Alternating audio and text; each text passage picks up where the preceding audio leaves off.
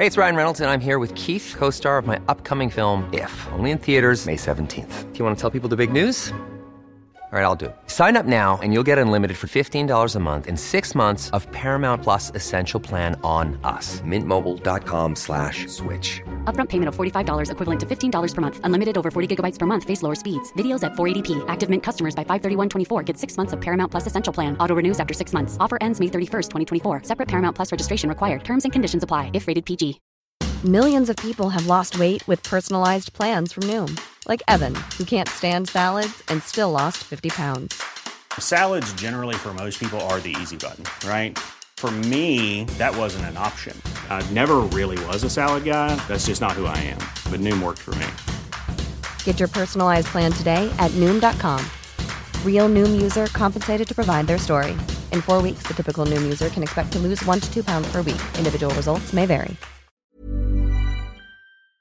Hej och välkommen tillbaka till Storytime.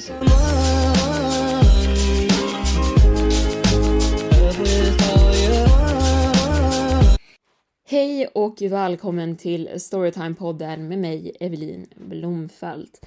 Som jag nämnde i måndags så kommer det ett extra avsnitt den här veckan som är väldigt långt. Och vi ska iväg på sommarläger igen. Men denna gång så är det inte barnen som försvinner, utan det är lägerledarna.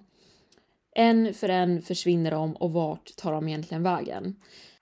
Men nu så sätter vi igång med dagens avsnitt. Sommarlägret börjar få slut på lägerledare. De här barnen är inte barn. Så här i efterhand borde jag lyssnat på varningsklockorna i mitt huvud när åttaåriga Cass skulle hoppa över dagens aktiviteter för att leka operation istället. Däremot var det inte som att jag inte hade andra saker att tänka på. Sju andra lägerledare hade försvunnit tillsammans med våran chef som skulle ta hand om oss. Det började ganska normalt. Jag menar, en eller två lägerledare var inte så illa va? Linn och Joel hade flörtat med varandra i flera veckor så ingen var förvånad när de försvann in i skogen för att vara ensamma med varandra. Men de kom aldrig tillbaka. Tom och Jennifer hade gått in i skogen för att leta efter dem, men de hade också försvunnit.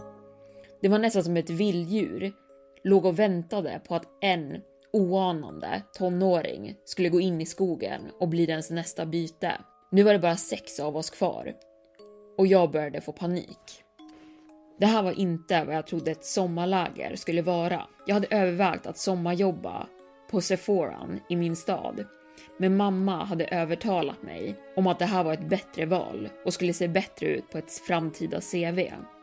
Så det var hejdå till civilisationen och hej vildmarken mitt i skogen. Det var 15 ungar uppradade framför mig väntandes på lunch och det var svårt för mig att hålla mig optimistisk och hålla modet uppe och bevara det där lägerledarleendet. Jag kunde inte hjälpa att i mitt huvud räkna hur många timmar det hade varit sedan jag såg de andra. Conny skulle egentligen hjälpt mig att sätta upp lunchen, men istället var han tvungen att försöka få upp våran backup-generator efter att elen hade börjat strula. Men han hade varit borta i en timme nu.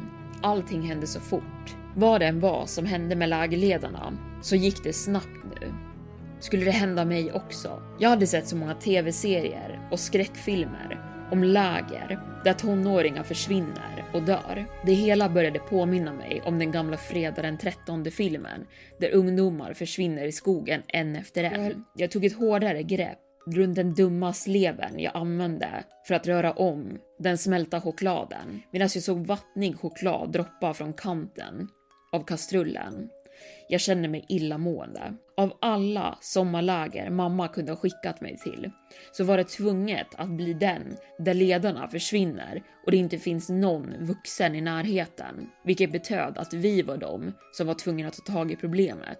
12 tonåringar som kom hit för att jobba och sitta barnvakt och massa småungar innan skolan började. Vi behövde använda allt vårt mod och låtsas som att allting var helt okej okay och under kontroll medan vi egentligen var helt livrädda. I vitögat såg jag Harry som lät småbarnen rida på hans rygg.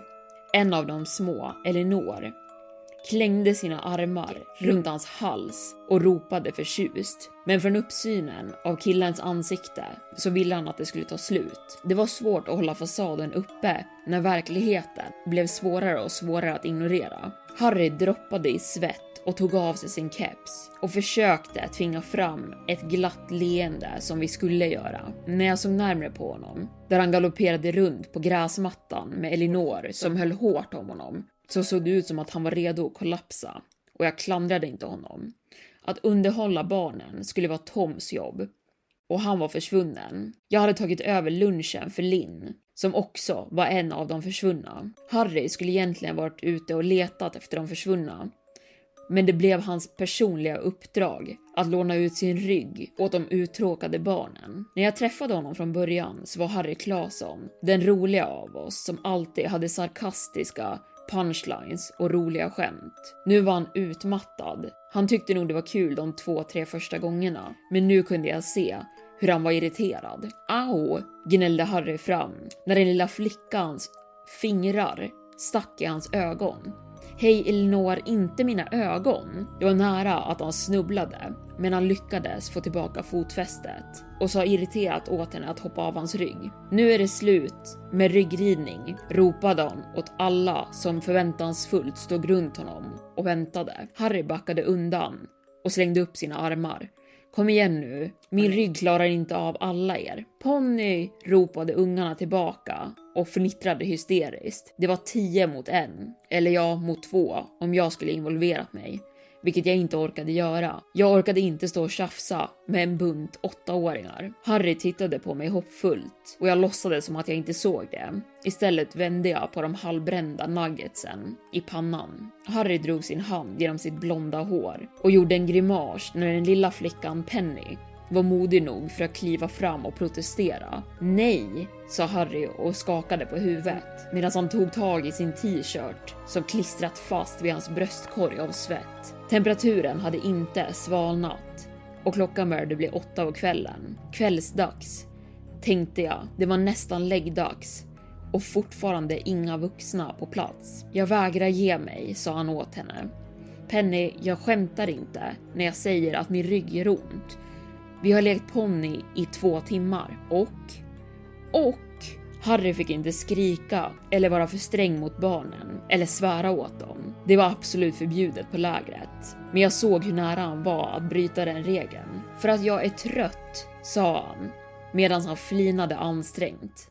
Och det började nästan se mer ut som en grimas. Jag tror vi alla hade gett upp på den fejkade entusiasmen när våra kollegor började försvinna en för en. Nu var vi bara ett skal av våra före detta jag. Och eh, visste du, om man rider rygg den här tiden så kommer spökena att ta dig. När en pojke öppnade sin mun med sina ögon vida av skräck insåg Harry sitt misstag. Jag menar, de snälla spökena. Ja, eh, de snälla spökena kommer hemsöka dig. Eller jag menar, leka i skogen. Det är en välkänd lägerlegend att spöken inte gillar att rida rygg. Hans läppar formade ett hånfullt leende och de chockade ansiktena runt honom. Barnen satte sig ner på marken och gjorde sig bekväma för att lyssna. Det här var det tystaste de hade varit på hela dagen. Jag kunde förstå det dock. Harry hade tagit över att berätta spökhistorier runt lägerelden i tre nätter i rad och han var väldigt bra på det också. Med varje öga fokusera på honom sänkte Harry rösten till en viskning. Vill ni veta vad de gör? Barnen nickade med vida ögon. De tar sig in i era stugor Harry, Rasmus röst kom som en utomstående varning. Fönstret var öppet och Rasmus stod på utsidan för att hålla koll på om någon av lägerledarna kom tillbaka från skogen. Eftersom att den enda vuxna vi hade med oss hade försvunnit hade han blivit den som fick ta kontroll och han tog sitt jobb lite väl seriös. Men hans varning var ändå rättvis. Ibland var Harrys spökhistorier lite för läskiga för små barn eftersom att deras fantasier kunde bli lite väl vilda, speciellt om nätterna. Olivia, min rumskamrat, hade offrat sin säng för en liten flicka som var helt övertygad om att Harrys version av Slenderman, träpojken, skulle smyga in i hennes stuga och ta henne om natten. Ta, sa jag ta sig in i era stugor? Jag menar dansa runt i skogen. Rättade Harry sig själv och de letar efter sitt nästa offer. Harry, sin nästa vän. Jag menar att de letar efter en vän. Så poängen av min historia är att rida rygg ger en nya vänner, sa Penny. Jag såg att hennes leende blev bredare och hon höjde på sina ögonbryn. Den lilla flickan drog bort sina mörka lockar från sitt ansikte och flinade. Det var hennes vädjande ögon som vann honom. Han släppte ut en suck och vred sig om på ett skämtsamt sätt och praktiskt taget spottade ut Hoppa upp då. Och det gjorde hon. Hon sparkade en av sina skor så hårt på killens ryggrad i hoppet, vilket fick honom att falla ner på sin mage. Och jag kanske föreställde mig det. Men sen när var barn så här onödigt elaka?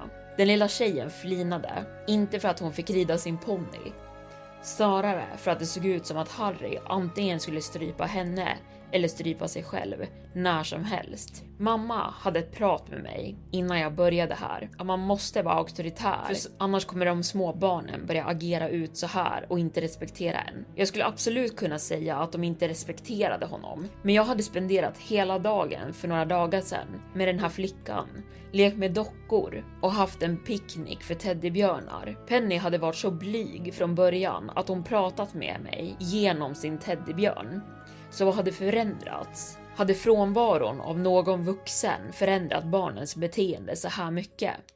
Fröken Josefin, jag hade inte varit uppmärksam, bara halvt märkt hur barnen börjat ta för sig själv av maten, plocka på sig massa av chicken nuggets och kakor på sina plasttallrikar och sen skyndat sig för att gå och sitta som att jag inte såg dem. Jag tog mig ur min fundering och fann mig själv öga mot öga med Elias som förmodligen var min favorit av barnen. Man ska inte ha personliga preferenser när man jobbar med små barn, för att dina åsikter kan uppröra dem. Men det var svårt att inte tycka om Elias. Han hade ett mycket lockigt brunt hår och han var en av de mer pratglada i gruppen. Elias hade sagt att han ville bli en uppfinnare när han blev stor. Han ville göra robotar. Barnet hade frågat mig om jag ville se hans robotsamling, men jag hade varit alldeles för upptagen med att ha lägeraktiviteter. Hållandes i sitt lilla fat såg han upprörd ut. Josefin, jag, jag såg just några barn ta fler chicken nuggets än vad man får. Jag ryckte på axlarna och skyfflade upp en stor portion på hans fat också. Nåväl, du kan få några extra du också. Elias leende var inte lika stort som det brukar vara. Vart är Tom? Jag låtsades vara omedveten medan jag plockade på några nuggets på hans tallrik för att distrahera honom. Han kommer tillbaka snart. Tom är ute och leker i skogen. Nej, det är han inte. Först trodde jag att jag missförstått pojken. Han räknade sina nuggets med sin plastgaffel. Jag lutade mig närmare honom. Ursäkta, vad menar du Elias? Han lyfte upp sitt huvud och såg på mig med ett brett flin. Kan jag låna en kniv Josefin? Varför behöver du en kniv? Det är en ekorre ute i skogen som har fastnat i en fälla, sa han. Och jag vill göra slut på dens lidande, fröken Josefin. Den har väldigt ont. Det var mörkt. Eh, nåväl, jag kan inte ge dig en kniv. Min blick fann Harry, där han stod framför en lång kö av barn som ville rida på hans rygg. Men vad sägs om att du går och frågar Harry om att rida rygg? sa jag medan jag pekade mot honom med ett övertygande leende. Och när pojkens ögon fylldes med tårar och han skakade sitt huvud sträckte jag mig fram och tog tag i hans hand och kramade om den så hårt jag kunde. Elias, vi behöver inte göra det, okej? Okay? Jag är säker på att ekorren kan räddas och vi kan ta den till veterinären, okej? Okay? Men tänk om den inte behöver räddas? Jag höll hans hand ännu hårdare. Jag kan rädda den Elias, jag lovar. Elias såg inte övertygad ut, men han nickade och mumlade ett okej. Okay innan han svängde runt på stället och gick och satt sig med de andra barnen. Direkt efter lämnade jag min station vid lunchbordet. Oavsett om Rasmus gillade det eller inte. Jag gick ut mot skogsdungen för att leta efter den så kallade döende ekorren. Det var någonting vi inte behövde. Himlen började mörkna och det blev mörkare så fort jag tog mig in i skogen. Elias sa att den låg närmast delen av skogen som är vid sjön, men jag kunde inte se någonting, vilket var konstigt. Men helt plötsligt hörde jag ett blött ljud under min sko som avbröt ljudet av insekter som surrade runt. Det blöta, squishiga ljudet fick min mage att vända på sig och jag stirrade ner på marken och jag visste inte vad jag förväntade mig. En mosad ekorre kanske. I Elias ord så hade den varit nära döden. Dock, när jag tänker på det så fanns det inga fällor för djur i lägret. Det var för säkerhetsskäl och det vore bara konstigt. Så vad sjutton tittade jag på? Botten av min sko var indränkt i torkat blod, men det var saken som jag stampat ner i marken som fick mitt hjärta att börja skena. Det såg ut som ett öga. Vad gör du för något? Jag hoppade nästan ut ur mitt eget skinn och upp på fötter. Cecilia stod bakom mig och höll hårt om sin kopp som jag förmodade var hennes sjätte eller sjunde kaffe för dagen. Den här tjejen hade sprungit fram och tillbaka till kaffemaskinen hela dagen och jag hade i tystnad räknat hur mycket koffein hon faktiskt drack. Cecilia hade varit väldigt fixad och väldigt populär när lägret började. Alla började direkt följa efter henne och lyda minsta vink. Alla killar och tjejer följde henne runt.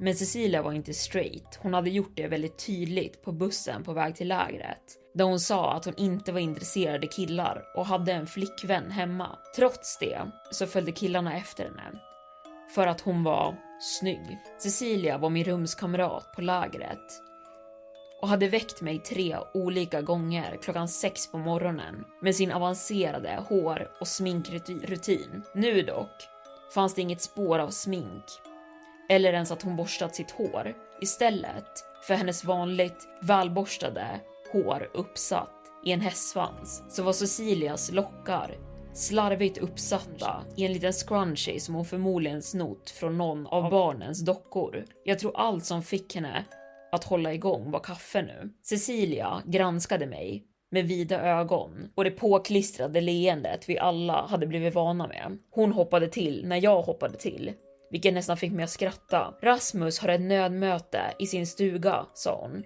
Så vad du än gör så kan det vänta. Hennes blick gled ner till marken. Vad håller du på med? Och för en stund tänkte jag berätta hela historien för Cecilia innan jag kom på att en spindel som hade tagit sig in i våran stuga hade fått henne att skrika och springa ut. Vad det här än var, om det var en del från ett dött djur, så var det bäst att låta bli. Jag letade efter de andra. Cecilia la sitt huvud på sned innan hon la ner sin kaffekopp på marken. I jorden jag letade efter fotspår Cecilia. Tjejen såg förvirrad ut innan hon skakade på sitt huvud. Okej, skitsamma. Säg åt de andra att komma dit. Jag måste bara gå och se till att barnen är okej. Vi kommer slå på en film åt dem i lunchstugan så att det distraherar dem i kanske en, två timmar i alla fall. Jag nickade. Har någon hittat den fungerande telefonen? Inte med en signal. Jag fick motstå att väsa åt henne att sänka rösten.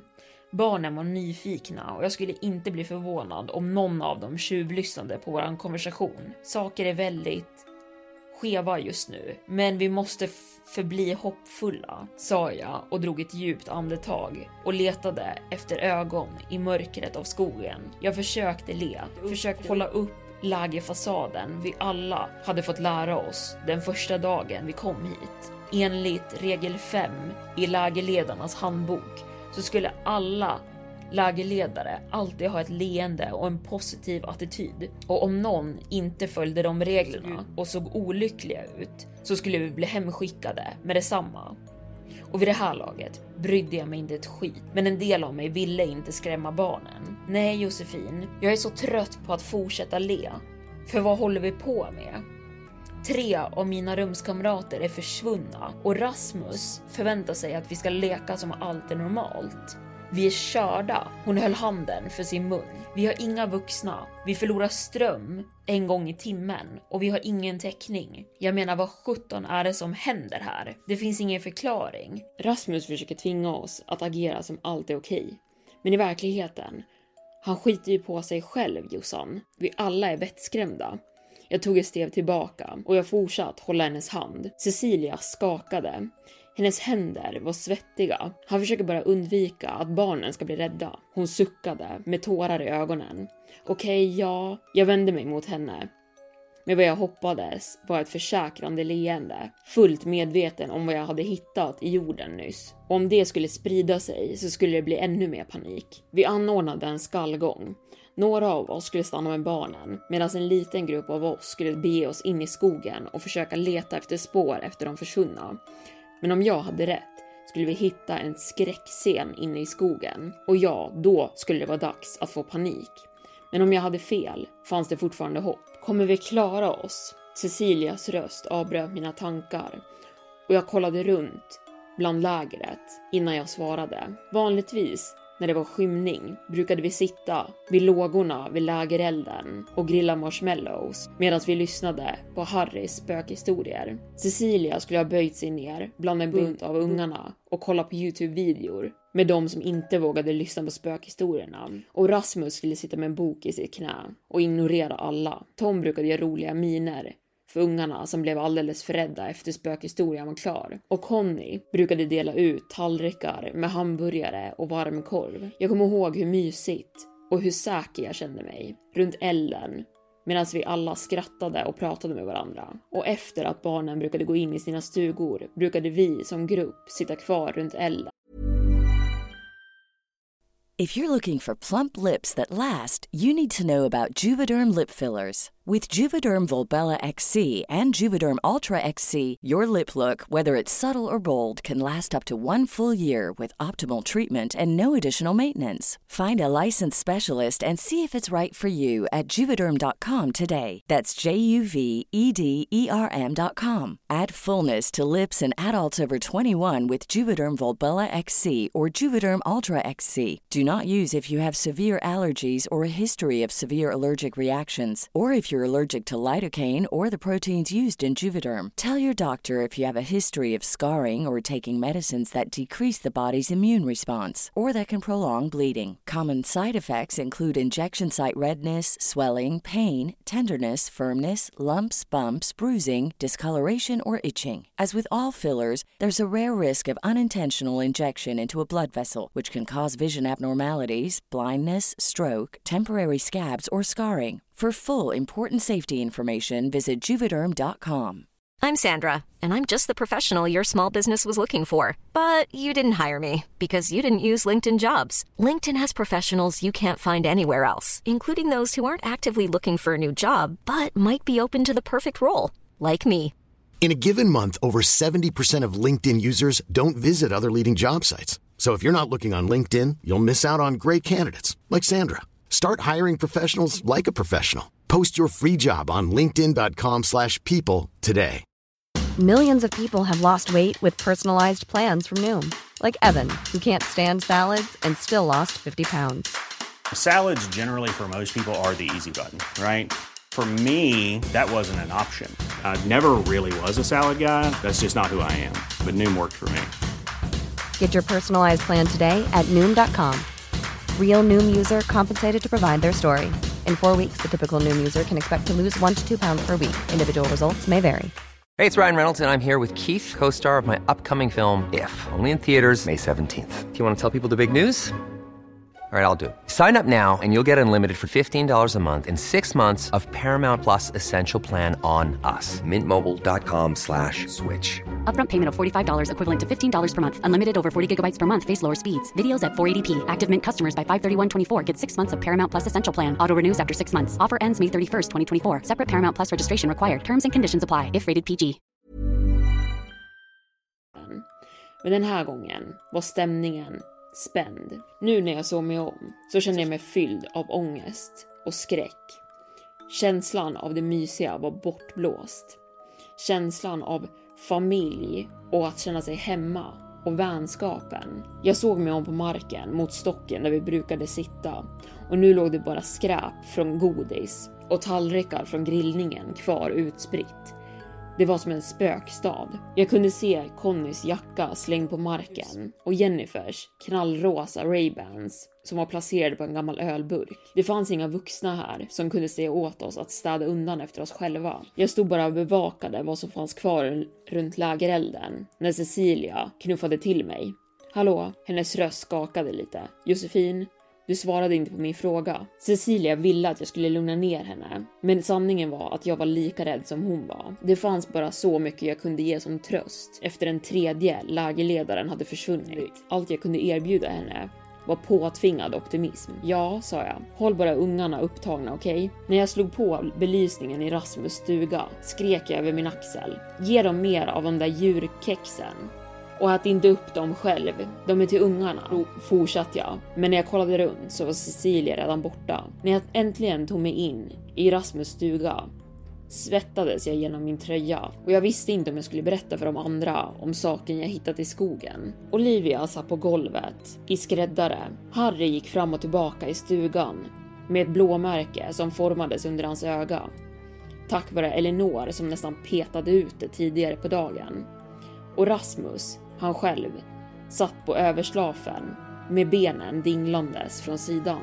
Killen var inte byggd för att vara en ledare. Han var egentligen den lataste av oss alla. Han ville helst sitta uppe i ett träd och läsa en bok istället för att hjälpa med lägeraktiviteter. Men han blev den som fick ta kommando eftersom att han var äldst av oss efter att Alexandra försvann. Men jag tyckte ändå det passade honom. Den knallröda kepsen han hade på sig som visade att han var lägerledare var en bra kontrast till hans mörka lockar. Kepsen var lite för stor för hans huvud dock och gled ner över hans ögon. Rasmus såg nästan ut som en frånskild pappa till två små barn med mörka ringar under hans ögon. Han höll fast i ett anteckningsblock och en penna som han tuggade på. Det, det, såg ut som att han försökte komma på hur han skulle formulera sig. Jossan, han spottade ut pennans lock ur sin mun och skrev ner någonting. Han skrev säkert ner våra närvaro för det här dumma krismötet. Hans ögon såg vilda ut när han skannade mig efter svar. Vart fan är Cecilia? Jag stängde dörren bakom mig och lutade mig bak mot den med mina armar korsade över min bröstkorg. Jaha, så vi kan svära nu? Ja. Rasmus himlade med ögonen. Det är inga barn här, så kör på. Han pekade mot mig med pennan. Cecilia, vart är hon? Hon håller barnen upptagna, muttrade Conny från den undre slafen. Jag kunde knappt se honom när han låg på mage med ansiktet nere i sin kudde. Det var min idé att sätta på Shrek för dem, men de små skitarna sa att de aldrig har sett den. Han lyfte upp sitt huvud och grimaserade. Alltså ursäkta, men alla har väl sett Shrek? Förväntade sig de här ungarna Minecraft-filmen? De gillar inte det heller, inflikade Harry. Elinor såg på mig som att jag var galen när jag frågade om hon tyckte om det. Fortnite också, instämde Olivia. Jag föreslog att vi skulle spela det för några dagar sedan och inga och barnen visste vad det var för någonting. Sex lägerledare är försvunna. Rasmus höjde sin röst för att avbryta vårt småprat och ni ifrågasätter vilka spel de tycker om. Han mötte min blick igen. Så Cecilia är med barnen. Du är helt säker på det? Jag nickade. Ja, jag menar, jag såg henne för fem minuter sedan. Toppen sa Rasmus sarkastiskt. Jag är helt säker på att hon inte försvinner under mystiska omständigheter. Sluta, sa Olivia och gav honom en sur blick. Jag har sagt åt dig, de är förmodligen vilse i skogen. Vi alla har blivit tränade att lära oss den här skogen ut och in och hitta, sa Rasmus. De är inte vilse. Nej men vart är de då? sa Conny och satte sig upp och drog sina knän mot sin bröstkorg och jag har aldrig sett honom se så skör ut. Alexandra kan jag förstå. Hon hade förmodligen annat att göra, drog iväg med någon kille eller någonting och lämnade oss med barnen med sex andra lägerledare och alla av dem försvinner. Våran, våran täckning försvinner. Elektriciteten försvinner. Vem är det som bryter strömmen? Jag fick nödgeneratorn att funka, sa Olivia och sträckte upp handen. Han kollade på Rasmus som bara såg ner på sitt knä man såg hur den här killen inte ville leda oss alla, komma upp med planer och svar på frågor som han inte visste själv. Hans jobb var att se efter oss och barnen. Och hittills så tyckte jag att han hade gjort så gott han kunde. Jag såg på hans uttryck dock att han tyckte motsatsen, men han hade i alla fall lyckats hålla barnen från att förstå att någonting hemskt pågick och varför lägerledarna försvann. Han såg till att de fick mat, var underhållna och kände sig säkra och nu såg på en film. Medan vi satt här och var livrädda. Rasmus höll upp fasaden hur rädd han än var. Men nu såg han ner i sitt knä och suckade. Det såg ut som att han skulle somna. Ingen ville erkänna att Conny hade rätt i det han sa, men alla tänkte det. Det här var planerat, fortsatte han. Någon där ute jävlas med oss och de plockar oss en efter en. Nu är det bara sex kvar av oss. Han sträckte ut sina armar. Hur länge tills de små börjar bli tagna? En bunt 18-åringar kommer ju inte vara nog för dem. Så när tänker de börja ta kamparna? Vi är mitt ute i ingenstans med en seriekidnappare och vi lämnade just 15 ungar att omhändertas av en tjej som trodde Australien låg i England. Cecilia var full när hon sa det dock, mumlade Olivia till försvar. Räknade du dem innan mi Räknade du dem innan middagen? Jag nickade. Alla 15 är där. Eller ja, 10 av dem är i matsalen och fem av flickorna leker operation i Cassis stuga hela dagen. Avbröt Olivia. Lekte de inte det i morse också?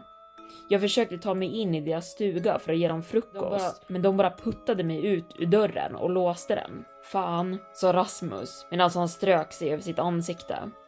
Okej, jag går och kollar vad som pågår med dem. Om jag känner Cassie och hennes vänner rätt så är de säkert helt höga på socker av stulet godis. Och, na och när vi har hämtat alla barn och de är i matsalen så samlas vi utanför. Jag svalde och talade. Jag ville faktiskt prata mer om någonting. Rasmus lyfte upp huvudet och lutade det mot anteckningsblocket. Ja, vad då för något? Jag hittade något, eh, sa jag medan jag tvekade. Jag menar, jag tror att jag har hittat något. Jag var inte säker på hur jag skulle förklara för den här uppskrämda bunten tonåringar att jag hittat ett öga i skogen just efter vi pratat om kidnappare. Fyra blanka ansiktsuttryck stirrade tillbaka mot mig. Jossan, vi har inte tid för det just nu. Jag fortsatt.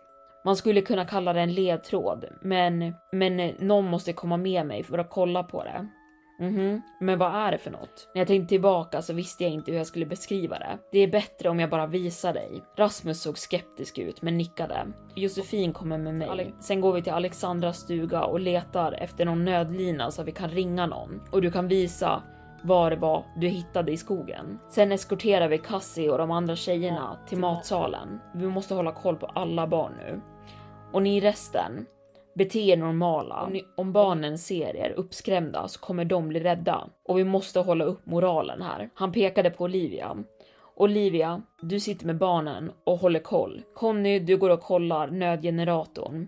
Harry, ungarna ser dig som en karusell vid det här laget. Erbjud dem ryggrivning om de blir rädda och sluta med spökhistorierna. Det blir bara värre för dem. Låt dem rida ponny. Harry himlade med ögonen. Har jag ett val? Nej, Rasmus harklade sig. Och om de andra dyker upp och bara har varit ute i skogen och, och lallat så kommer jag döda dem. Sättet han log med sina tänder och hoppade av sin bunk fick mig att tro att han var rätt seriös i det. Om det här hade varit något välkonstruerat prank de andra lägerledarna hade orkestrerat hade jag inget tvivel om att Rasmus skulle slita dem i stycken. De andra vandrade iväg med sina uppgifter och jag såg hur Harry lyfte upp sin kudde och drog fram en påse med de där djurkexen, rev, rev upp den och hällde innehållet i sin mun. Han såg min blick medan han tuggade på de små kexen som var gjorda för barn. Jag åt inte lunch, sa han med munnen full. Jag kände mig lite tryggare när jag vandrade med Rasmus framför mig. Så vad är planen? sa jag medan jag gick ikapp honom och nästan snubblade över en gren. Han vände sig inte om. Du, jag bara wingade, sa han med ett ansträngt skratt. Jag har ingen aning om vad jag gör. Och om jag är ärlig så vill jag åka hem. Jag har inte sett efter så här många barn i mitt liv. Om jag måste fejka ett leende en enda gång till så kommer jag förlora förståndet. Sa han och släppte ut en tung suck. Jag tar det som det kommer just nu. Jag skrattade då. Det är väl betryggande. Jaså, sa han och flinade åt mig. Jag lovar att jag är lika rädd, om inte ännu räddare än du. När vi stannade framför Cassis stuga så mötte hans blick min. Är det bara jag? Sa han mjukt. Eller är matsalen väldigt tyst? Han hade rätt. Fönstren var mörka när de borde vara upplysta av tv-skärmen. Men eftersom att vi hade skickat de andra för att gå dit och se efter barnen så fokuserade vi på Cassis stuga. Jag klev framför honom och fattade tag i dörrhandtaget till stugan. Cassie, sa jag och knackade tre gånger. Tjejer, är ni okej okay där inne? Det är Jossan och Rasmus. Jag försökte öppna dörren och den gled upp på glänt. Jag såg över på Rasmus bakom mig sen, och sen vände jag mig om mot, mot dörren. Vi kommer in okej? Okay? Vänta, ropade Cassie från insidan. Men han är inte klar än. Jag fick en dålig magkänsla, men jag tvingade upp dörren och såg det vita ljuset som flödade från inne i stugan. Det första jag såg var åttaåriga Cassie som satt i skräddare med sin rygg vänd mot mig. Hon satt i en ring med de andra tjejerna och de lekte sin lek fortfarande. Och när jag klev närmare märkte jag någonting på trägolvet. Det måste ha varit juice eller vatten som de hade spilt. Jag tog ett till steg, men den här gången greppade svettiga händer tag i min arm och drog mig bakåt. Rasmus sa ingenting, men hans ögon såg panikslagna ut. Jag hörde hur han började andas snabbare och hans grepp hårdnade runt min arm. Jag sträckte mig bort från hans grepp innan jag såg kroppen utspridd på golvet i ringen där flickorna satt. I det vita ljuset i stugan såg jag att det var en människa som låg där. Tom, jag kunde fortfarande identifiera delar av honom. Fräkniga kinder och ögon som fortfarande var öppna och stirrade rakt upp. Men det var där Likheterna till den försvunna lägerledaren tog slut. Kroppen som brukade vara tom var mer av ett skal, urgrävt på organ. Det som fick mig att stapla bakåt och min mun att släppa ut ett tyst skrik var den kirurgliknande perfektionen som de hade tagit ur organen med och staplat upp dem som att det verkligen var en lek av operation. Hans hjärta, lungor och inälvor låg i en hög prydligt staplade medan hans hjärna låg i Cassis små blodiga händer och när mina ögon mötte den lilla flickan Nina som gömde sig bakom hennes mörka hår såg jag skalpellen i hennes händer och i mitt huvud flashade bilden av ögat jag hittat ute i skogen och då vände sig min mage upp och ner. Hade jag hittat ett mänskligt öga där ute? Jag stirrade på ihåligheten av kroppen och alla kirurgverktyg som var utspridda i stugan när Rasmus äntligen drog mig bakåt och jag snubblade ut ur stugan och föll ner på rygg. Vi måste härifrån, kraxade Rasmus ut. Cassis ord ekade i mitt huvud. Tom tänkte jag. Tom var inte klar än. Jossan, upp! Nu! Mitt huvud snurrade och jag var säker på att jag hade spytt i mitt fall. Att jag hade blöta varma fläckar på framsidan av min t-shirt. Och innan jag hann formulera ord så drog Rasmus mig upp på fötter medan jag såg stjärnor i mitt synfält och försökte blinka. Vi började springa. Men Rasmus slutade tvärt. Jag följde hans blick och såg nu att flera barn hade ställt sig utanför hans stuga där Harry, Olivia och Conny var. Jag kanske hallucinerade, men det såg ut som att Elinor och Penny båda höll i en varsin kniv. Rasmus slösade ingen tid och drog mig med sig. Alexandras stuga, sa han snabbt medan vi började springa över lägrets steniga mark. Vi behöver en telefon. Fan, vi behöver en telefon. Vi behöver en telefon. Fortsatte Rasmus upprepa. De lekte operation, bokstavlig operation. Men de är bara barn, kraxade jag ut små barn som hade gjort kirurgiska ingrepp inuti Toms kropp. Små barn som hade tagit varenda försvunnen lägerledare. Och de skulle komma efter oss nu. Som tur var låg Alexandras stuga längre in i skogen och när vi säkert tagit oss in låste Rasmus dörren efter oss. Jag tog mig för knäna och andades djupt en stund och försökte att förstå vad jag just hade sett. Rasmus hade redan börjat vända upp och ner på stugan och när han föll ner på knä så tog jag över. Jag letade igenom Alexandras skrivbord först. Ingenting viktigt, bara dokument och fakturor. Jag letade igenom hennes byrå. Fortfarande ingenting. Vi började få slut på tid. Jag övergav byrån och gick igenom hennes resväska. Sen kravlade jag under hennes säng för att hitta något slags vapen. Men då avbröt Rasmus mig. Vänta, och när jag vände mig om mot honom så knäböjde han. Han hade hittat en lös planka i golvet och han tvekade inte och drog loss den, vilket till min förvirring var en dold lucka nere i golvet. Rasmus vände sig mot mig. Du skämtar? Jag kunde bara stirra ner mot luckan som avslöjade stentrappor som ledde under stugan. Han såg ner.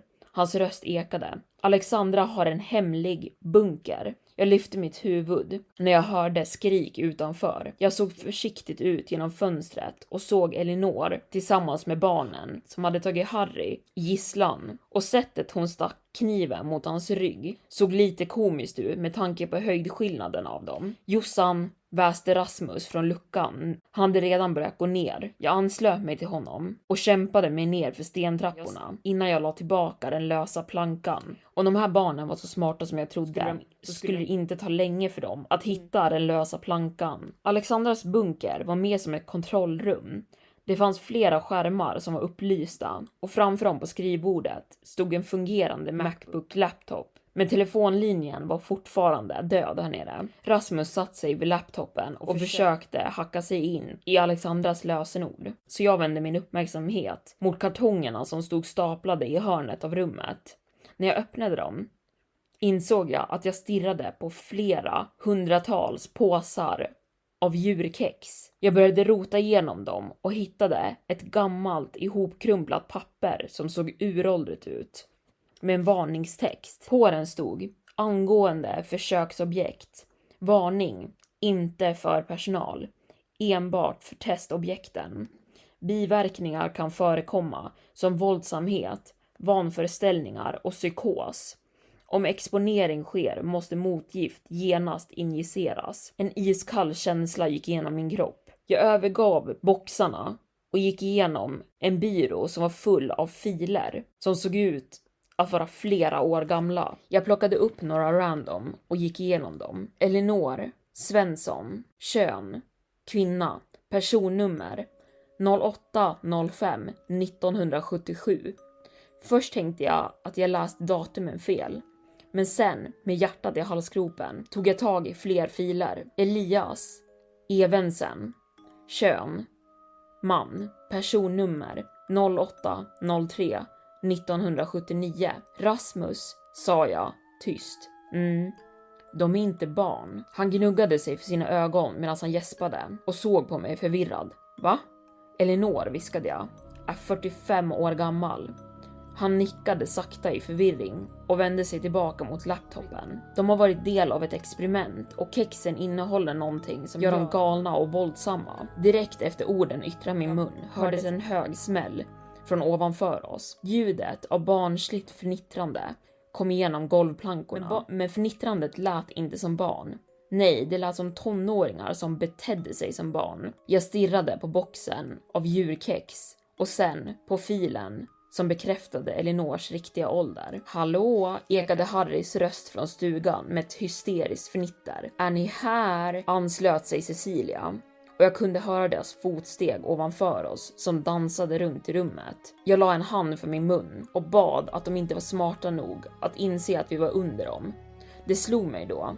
Någonting i kexen, formade som söta små djur, gjorde människorna våldsamma och fick deras tillväxt att stanna upp. Barnen hade förtärt dem i flera år och det var därför de blivit galna och våldsamma. Och jag förstod att vi bara var här för att underhålla dem tillräckligt mycket för att de inte skulle ge sig av. Jag mindes hur Harry hällt i sig en hel påse tidigare i stugan efter vårt krismöte och hur Cecilia nervöst tuggat i sig flera under kvällen för att hålla uppe sitt blodsocker. Det här hände för en timme sedan. Vi är fortfarande fast här nere och plötsligt har vi lyckats komma in i datan. Men Alexandra hade blockat all social media så vi måste komma på ett sätt att få ut ett nödmeddelande. Vi är fast på sommarlägret och de här barnen är inte barn. Vad det här experimentet än var så var det designat för att hålla dem här. Och telefonlinjen är klippt för att vi inte ska kunna kontakta någon utanför. Snälla, hjälp oss. Ta oss härifrån. Och där var dagens storytime avsnitt slut. Jag hoppas att ni gillade den här sommarlägerberättelsen och om ni tyckte om ämnet så finns det ju faktiskt en annan eh, berättelse om just sommarläger på podden som ni kan gå och lyssna på efter det här avsnittet. Men med det så vill jag tacka för att ni har lyssnat idag. Vi hörs nästa gång. Hejdå! Even when we're on a budget we still deserve nice things. Quince is a place to scoop up stunning high-end goods for 50 to 80% less than similar brands. They have buttery soft cashmere sweaters starting at $50, luxurious Italian leather bags, and so much more. Plus, Quince only works with factories that use safe, ethical, and responsible manufacturing. Get the high-end goods you'll love without the high price tag with Quince. Go to quince.com/style for free shipping and 365-day returns.